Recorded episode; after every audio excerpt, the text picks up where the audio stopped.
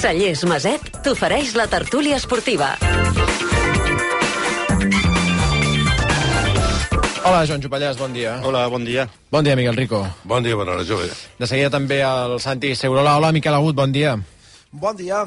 Ara de seguida parlarem del Barça perquè em sembla que ens donarà més eh, tema de tertúlia que no pas el Girona, més que res perquè sempre quan les, quan les coses van malament, doncs eh, bé, sempre hi ha més tema de debat que no pas quan les coses van bé, però eh, per això deixem començar amb el Miquel Agut. Eh, deia abans el Basté a, a, les 8 que aquesta cosa catalana, tant de pensar que, bueno, ja, ja arribarà algun moment que això haurà d'anar malament, i, però noi, passa partit rere partit, i a vegades in extremis com l'altre dia contra el València però amb una solidesa d'equip gran i ahir contra el Barça en una demostració de bon joc que molta gent podia pensar, home, sí, el Barça eh, és favorit perquè juga a casa, però el Girona juga molt bé, i ahir es va acabar imposant el Girona de manera, no diríem eh, allò de passeig militar, però sí que demostrant que és un equip molt sòlid, molt més que el Barça, no, Miquel?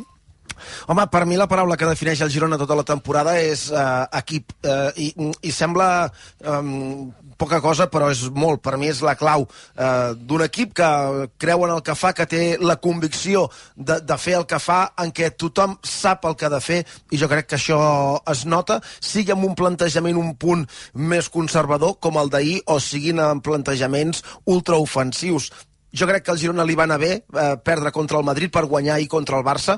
Em sap greu, hauria preferit que hagués estat a l'inrevés, evidentment, però és com són les coses. Eh, I al final, el Girona, el dia del Madrid, va començar amb molt bones sensacions i es pensava que seria bufar fent polles com qualsevol altre partit, i al final li van caure tres, i ahir va començar amb un punt de prudència, quan podia fent perill al contraatac i després en moments de rondo, per mi, els olers dels aficionats del Girona jugant al camp del Barça, fent un rondo llarguíssim, que una mica més i acaba amb l'1-4 de Solís en aquell moment, és una imatge que no se m'oblidarà. I a partir d'aquí què? Doncs escoltes Mitchell a la roda de premsa i quan ell ja diu, eh, parla directament d'aspirar a quedar arriba del todo. O sigui que ell, després de veure el seu equip en el partit d'ahir, creu que té un equip que és prou bo i que fa prou bé les coses com per pensar en, en guanyar la Lliga. Ho diu amb la boca petita, però se li entén tot, i això, evidentment, és una cosa que si ens l'arriben a dir no, no, ens la, no ens la creiem, i que només és mèrit dels qui penquen allà cada dia i dels qui plasmen això que quan ho veiem al camp,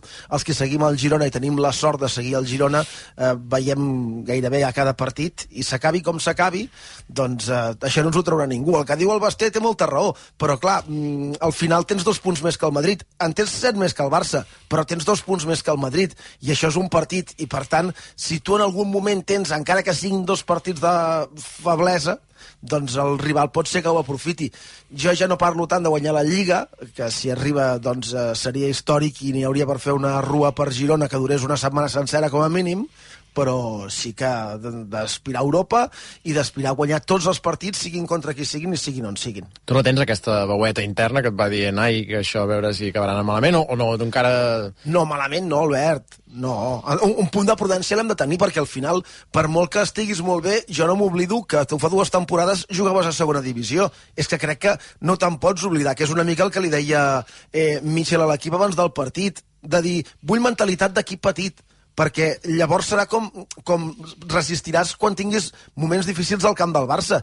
I ahir és un 2 a 4, però el Girona va tenir moments difícils al camp del Barça. Sobretot per mi els primers 20 minuts eh, en què el Barça fa una pressió molt bona i el Girona estava molt tancat a darrere i se li va fer llarg aquell tram de partit. Doncs, per tant, eh, tu això ho has de tenir interioritzat perquè si et creus que ets més del que ets, no aconseguiràs els resultats. I el Girona, si està aconseguint els resultats, a banda de jugar molt bé a futbol i de tenir molta convicció en el que fa, és perquè a cada partit analitza el que pot fer i el que ha de fer perquè el rival no li faci mal, però perquè li és, d'alguna manera, igual jugar contra el Barça que dilluns contra l'Alavés, perquè aquí et pot guanyar qualsevol equip i perquè tu ets el Girona, no ets ni el Barça, ni el Madrid, ni l'Atlètic de Madrid. Estàs entre ells, però no formes part d'aquesta elit. Ara, per la feina que has fet, per mi de moment és una anomalia, no sé si amb els anys serà un, un costum, però és una anomalia, menges a la taula de tots aquests però pot ser que qualsevol altre que vingui et foti un cop de la cadira i et foti a terra, es digui a la vez dilluns o es digui com es digui. Uh -huh. Hola, Segurola, bon dia. Bon dia. Què et va semblar el Girona? El Girona, mm, pues me pareció eh, que hizo un gran bien al fútbol. Mm, sé que esto puede doler en, en la hinchada del Barça, pero creo que fue una gran publicidad para el fútbol español. Estoy bastante cansado de que cada vez que juega y se juegan muy buenos partidos en la Liga Española, siempre eh, generalmente la referencia es la Premier. Este es que en la Premier que bien se juega, en la Premier que bien se hacen las cosas. En realidad la Premier, que tiene equipos muy buenos y donde ves partidos muy buenos, eso es verdad, también ves partidos malísimos, pero muchos partidos malos. Y creo que lo que hace la, la Premier es eh, vender muy bien el producto. Lo que se hace muy mal en la Liga Española es vender el producto. Y esta temporada, especialmente esta temporada, había una depresión con los eh, con respecto a la aproximación a la liga. No venían grandes estrellas, eh, excepto Bellingham, no venido nadie. Y eh, había, hay un clima fatalista con respecto a la liga que no se corresponde con la realidad. Y la realidad es que hay un equipo, el Girona, hay otros equipos como en Las Palmas, como la Real Sociedad, por no hablar de los tres grandes, como incluso en las últimas eh, semanas el Athletic de Bilbao, en el partido contra el Girona fue fabuloso, que estaban en un nivel tan bueno o mejor que la, que la Premier. Dicho esto, eh, y conviene decirlo, porque ya estoy cansado de, de escuchar la, eh, siempre la misma murria de la Premier. En segundo lugar, quiero decir que lo que tiene el Girona es magnífico por todo, por la aproximación a, al juego. Es el equipo que más goles ha marcado de la liga. Ha marcado cuatro goles más que el Madrid, seis más que el Atlético de Madrid y ocho más que el Barça. Esto dice algo pero no es un, no me parece flor de un día, porque es una estructura de club y de equipo que está bien hecha y bien trabajada, con jugadores que en su mayor parte son productos desechados por otros, por otros equipos, algunos grandes y otros no tanto, jugadores veteranos que ya parecía que no tenían un recorrido en la liga. Si tú miras la delantera del, del Girona, es todo un ejercicio de buena detección de talento por parte de la Secretaría del, del Girona. Y, por parte de, en cuanto a la defensa, pues está De Blin, que está Blin, que es un jugador que está ya un poco mayor, por decirlo de alguna manera, pero que tiene una influencia muy importante, no tanto defensiva, sino en la construcción del juego. Eric García, que pasado del Barça al Girona, y vas juntando una, un jugador descartado por el Real Madrid, como Mirel, que ayer fue la figura del equipo, y te vas fijando y dices, bueno, estos jugadores uno por uno, no es que no los quisiera nadie, pero casi nadie. Y están en el Girona y están jugando, primero muy bien, segundo con un propósito, tercero con astucia, eh, cuarto con un vigor competitivo enorme y cinco con un deseo de grandeza, que eso es lo que le hace todavía más atractivo. Dicho esto, eh, creo que eh, me parece que esta presión que se empieza a poner sobre un equipo tan pequeño, porque realmente es pequeño, no sé hasta qué punto puedes hacer saltar por los aires al, equipo y al club. Ahora debe pensar, yo creo, el club y el equipo, cómo tramitar esta situación desconocida, porque es absolutamente desconocida. Sancho. Bueno, del Girona jo crec que ho heu dit tot, pràcticament. Jo crec que hi ha, hi ha una... Més enllà de que sigui líder amb 16 jornades eh, disputades, que això no, no podia esperar-ho ningú, a mi el que m'impressiona més quan veig la classificació és que estan a 12 punts del cinquè. És a dir, que és eh, l'objectiu de guanyar la Lliga pot sonar encara a, a utopia, tot i que veient-los jugar doncs cada cop, eh, fins i tot des de dintre, els, eh, els sents parlar i ja comencen a, a deixar-se portar una mica per la, per la il·lusió, però, però la Champions la tenen a tocar. Eh, aviam, queda una mica més d'una volta, però ho has de fer molt malament, ho has de tenir una davallada de, de joc, de fe i de tot el que ara enumerava Segurola, eh, com perquè aquest equip no aconsegueixi eh, classificar-se a la Champions. I ara perquè estem una mica absorbits pel present del Girona que ens, eh, que ens desorienta una mica, però si tu a principi de temporada, abans de començar, dius que el Girona es classificaria per la Champions, diries que estàs eh, com un llum. Vull dir que aquest objectiu jo el veig eh, assolible i em sembla d'un mèrit eh, extraordinari. I més enllà de la classificació és el que transmet. És la sublimació del joc col·lectiu. En realitat el futbol és això, és el joc col·lectiu. El que passa que els grans equips ho són perquè conjunten el joc col·lectiu amb grans eh, futbolistes. I aquí, de grans futbolistes, eh, crec que mm, crec que els, que els que veiem en el Girona ho són perquè descansen sobre un projecte molt, molt potent. Eh, I és veritat, és que hi ha, jugadors que venen rebotats d'altres llocs on no jugaven, però equips no hi ha eh, punters, sinó equips eh, de segona fila. I aquí el que el mèrit és d'un entrenador que fa jugar i que fa creure als seus jugadors amb una, amb una, amb una idea. És un cas molt insòlid. Uh, jo, dic que ara, jo crec que ara és, el Girona és l'equip de moda a Europa. És a dir, ja no és un, un cas que es miri des d'aquí, es mira tot arreu, perquè que el Girona de sobte lideri la, la Lliga per sobre del Real Madrid, del Barça i de l'Atlético de Madrid em sembla una, una cosa que, que té moltíssim mèrit i que a més és, és, ho aconsegueixen per mèrits propis, no hi ha hagut un punt de sort, eh, els veus jugar i, i veus una idea eh, en la que tots creuen. I allí es va veure molt a Montjuïc. Jo crec que ahir van veure un partidàs, és veritat, estic d'acord amb el Santi, ha jugat a unes revolucions altíssimes, amb una exigència eh, molt gran, i al final que es va adaptar me, millor tàcticament, tot i que el Barça va tenir fases eh, molt bones també i altres un, més aviat desastroses, però el Girona va mantenir sempre el, una, una línia molt, molt, molt intel·ligent en el joc de saber patir quan tocava i d'anar a matar quan, quan el Barça els, li deixava metros, que va ser eh, massa vegades. Per tant, eh, tenim un equip per disfrutar més aquesta temporada i que anima molt la Lliga. És veritat que la l'anima la, d'una manera mm, sorprenent i inesperada. Vols afegir alguna cosa, Rico? Bé, crec que s'ha comentat, comentat tot i després del, part, des, des després del partit fins ara mateix, per mi el Girona va jugar meravellosament bé, construint la jugada amb precisió matemàtica per treure la pilota, amb unes passades verticals a l'espai on trobaven o espai o company, i amb una capacitat d'ambició inesgotable que els va permetre sortir a buscar el partit a la primera part, al final del partit i sobretot a la segona part, quan el Barça està 1-2 i donava la sensació que hauria de sortir a menjar-se al rival. No va ser així perquè el Girona no solament va a eh, defensar amb èxit la seva avantatge al marcador, sinó que a més a més la va ampliar.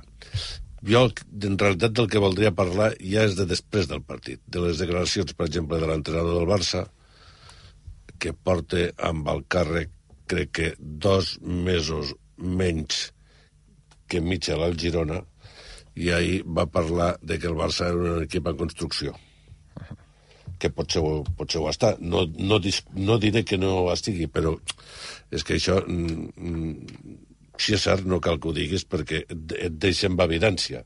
Perquè eh, amb un entrenador amb pocs mitjans comparat amb els que tens tu, ha estat capaç de fer un equip que els està passant la mà per la cara a tothom.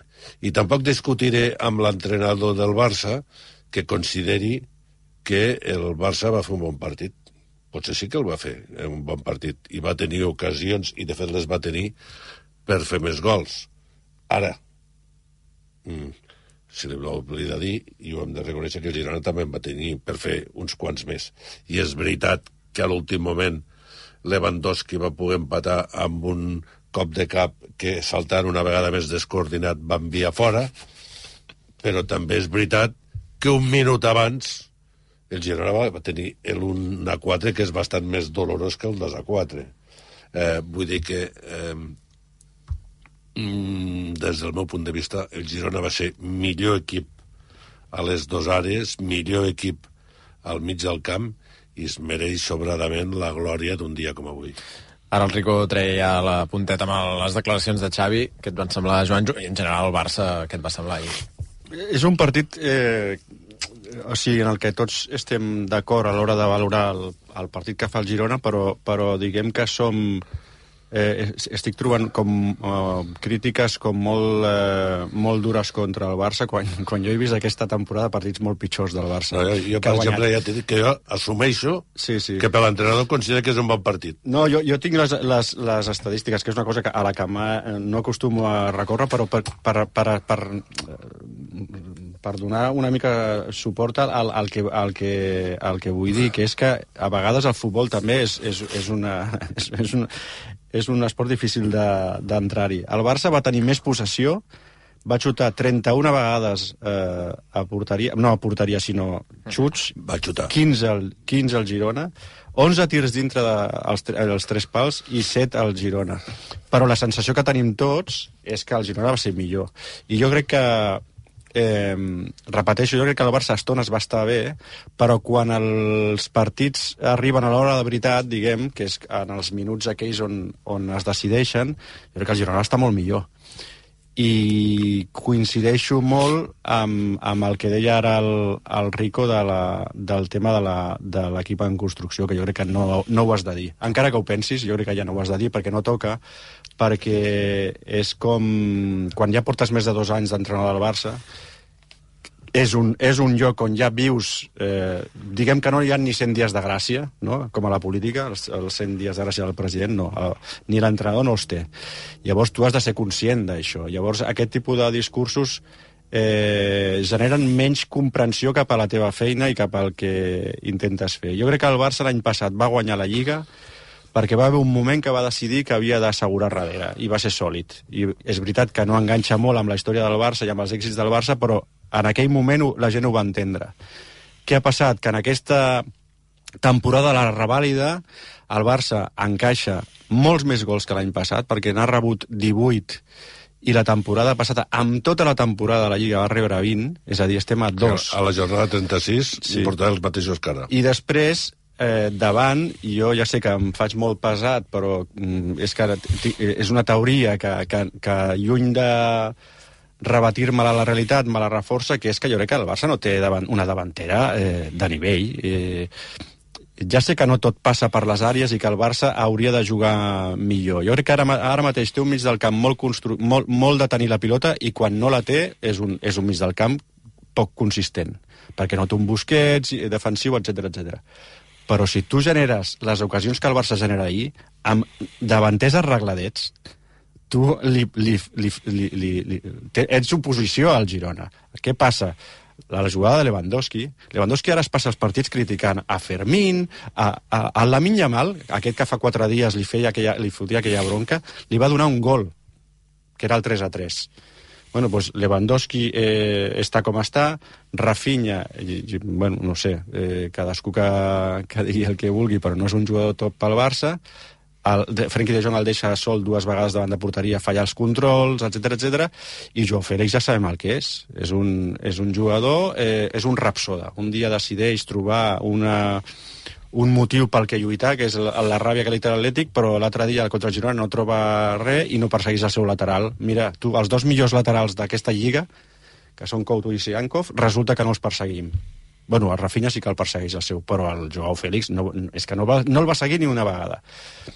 Eh, però és més frustrant si sense l'entrenador al final, en lloc de fent un discurs eh, menys protector cap a la seva pròpia plantilla, que faci aquest tipus de declaracions de que l'equip està en construcció. No, no està en construcció, ja, ja no ho està. Ara aquesta tercera temporada era la, la de la consolidació i el Barça és un equip eh, flàcid o desordenat i davant d'un Girona tan, tan, tan fet, home, la, el contrast la, el, el deixa més despullat.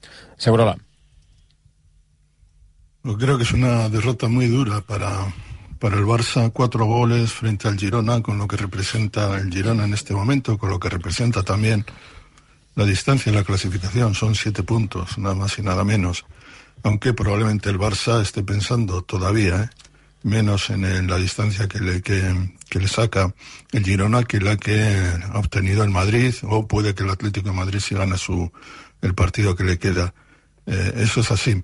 En cuanto al partido, yo creo que no fue un buen partido del Barça. Sí fue un partido presentable en el primer tiempo, o más que presentable, en cuanto a em, gasto de energía, vocación atacante, pero siempre me pareció un equipo desarticulado. Para mí tiene un problema colosal en el medio centro, que no, no sabemos quién es el medio centro del Barça. A ratos es De Jong, a ratos es Gundogan, por cierto.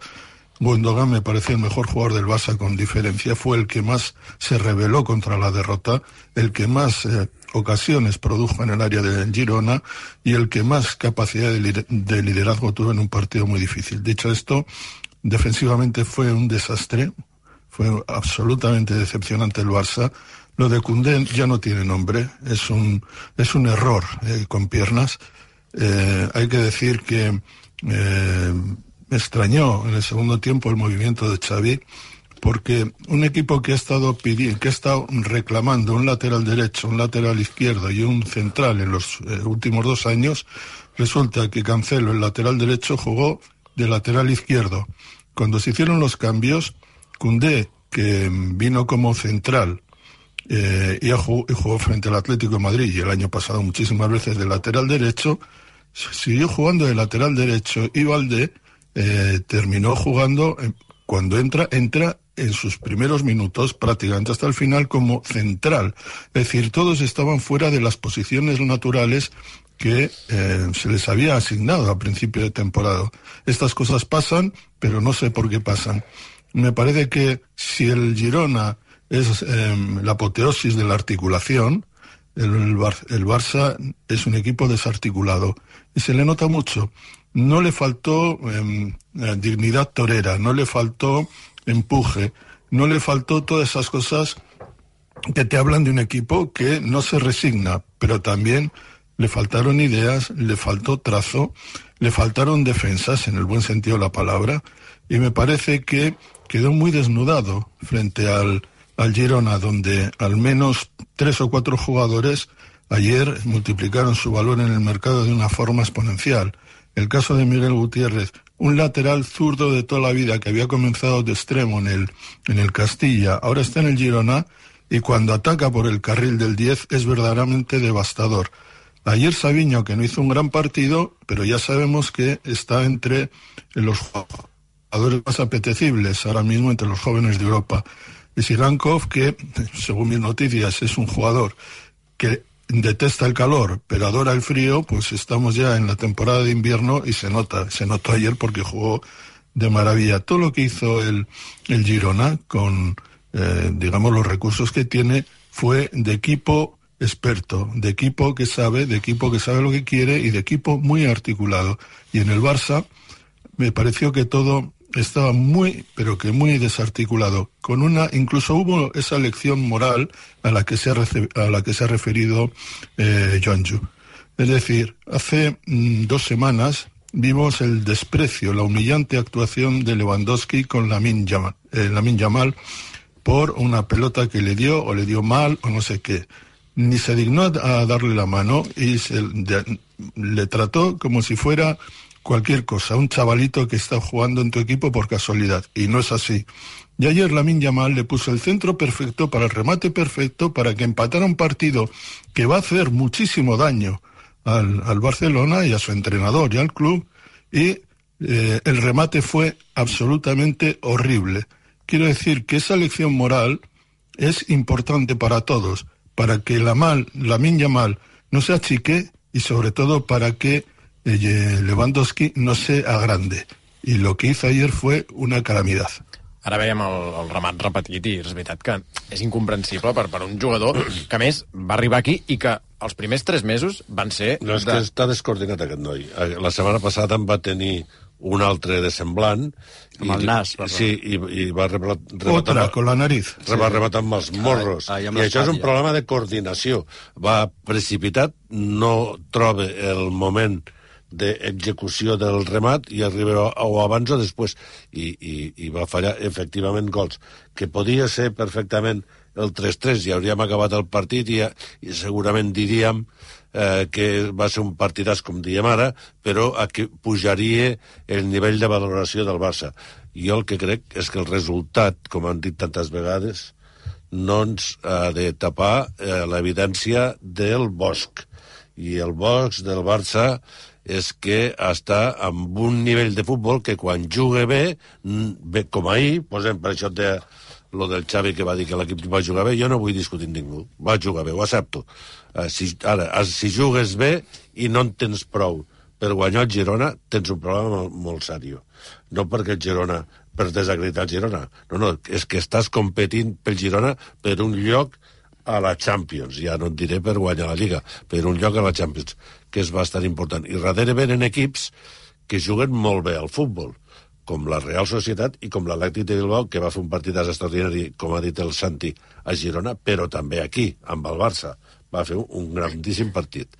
Vull dir que eh, eh, seria qüestió que l'entrenador eh, deixés de llepar-se les ferides del partit d'ahir i comencés a buscar solucions.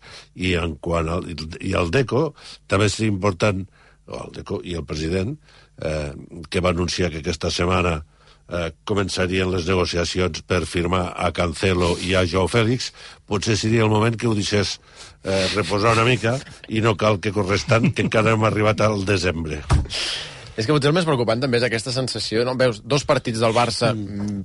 Dignes, el de l'Atlètic de Madrid especialment eh, bé, però clar, sempre són aquests brots verds que mai acaben de, de florir del tot, no? I, i, i la sensació és que no s'acaba d'avançar i que sempre és un passet endavant i dos enrere. Jo crec que és el que genera més impotència a l'entorn barcelonista. Jo crec que és, eh, venim de dilluns passat parlar eh, amb moderada, moderat optimisme perquè tampoc eh, sempre has de eh, eh, tu mateix eh, contenir-te, perquè realment l'altre dia contra l'Atlético de Madrid van fer molt bon partit. Uh -huh. I llavors, eh, és veritat que no és aquell Barça més desesperant del, de principi de temporada, no de principi, just el, el, el, després d'aquells eh, bons partits contra el Betis i l'Amberes, hi ha una fase absolutament decebedora del Barça, que aleshores és que ja eh, no... O sigui, les estadístiques que he dit que abans era a veure quan, quantes vegades xutava sí, sí. porteria, que igual eh, el primer xut arribava al minut 80, era molt més desesperant. Ara, quan ja ha fet el, el clic no? I, i, i ja veus que guanyen contra l'Oporto, guanyen contra l'Atlètic fent un gran partit, es troben al Girona, que és veritat que és l'equip més en forma de, de, de la Lliga Espanyola, però el que et eh, desorienta més és eh, aquests símptomes que, que, que és on recau sempre l'equip eh, i, i que, repeteixo, jo crec que allà on el Barça havia pres eh, o, o havia començat, eh, eh, parafrasejant a Xavi, a, a, a construir-se, que era a partir de la defensa, ara resulta que estàs... Eh, aquesta evolució és una involució, el Barça és molt insegur a darrere i a davant continua com sempre, que és... Eh, que és eh, doncs, eh, amb, amb un nivell que, que no és el que pertoca a jugadors eh, que han de portar aquesta samarreta. És a dir, gent amb regat, gent amb verticalitat, gent amb gol, i ara això no ho veus. I amb el tema de Lewandowski és veritat, jo crec que hauria d'haver algú que li digués alguna cosa. Perquè... Que el coordinés, que el coordinés. No, i si tu... Eh, jo crec que eh, tot, tots els jugadors tenen crisis. Eh, no sabem aquesta si és d'edat o, és de, o és conjuntural, val? perquè pot ser-ho també, és un, és un golejador.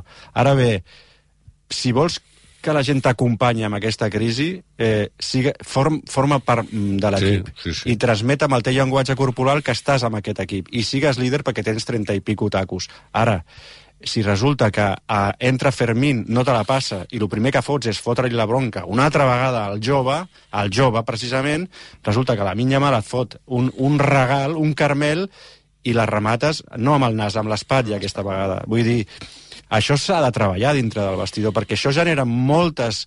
Els vestidors també això a, a, els acaba afectant. Si els joves no els tracta bé el tio que havia de ser referencial, si falten lideratges, Gundogan, per exemple, estic d'acord amb el Santi, ahir va agafar eh, doncs el Velles amb pes, no? i el Velles eh, que, que remava no? amb, amb tots els sentits, li podia sortir bé o malament, però Velles un jugador que intentava remar a favor de, de, en contra no, de la corrent. Bueno, doncs això és el que es necessita. Lewandowski ara mateix no és, no és exemple. No és exemple perquè falla gols i a sobre eh, no és eh, positiu per l'equip. Jo crec bueno, que... no ha passat res que no es pugui arreglar, però eh, Xavi haurà de treballar molt de pressa per acabar de construir l'equip si vol que estigui en condicions de competir a qualsevol cosa. Mm -hmm. Agut, vols afegir alguna cosa?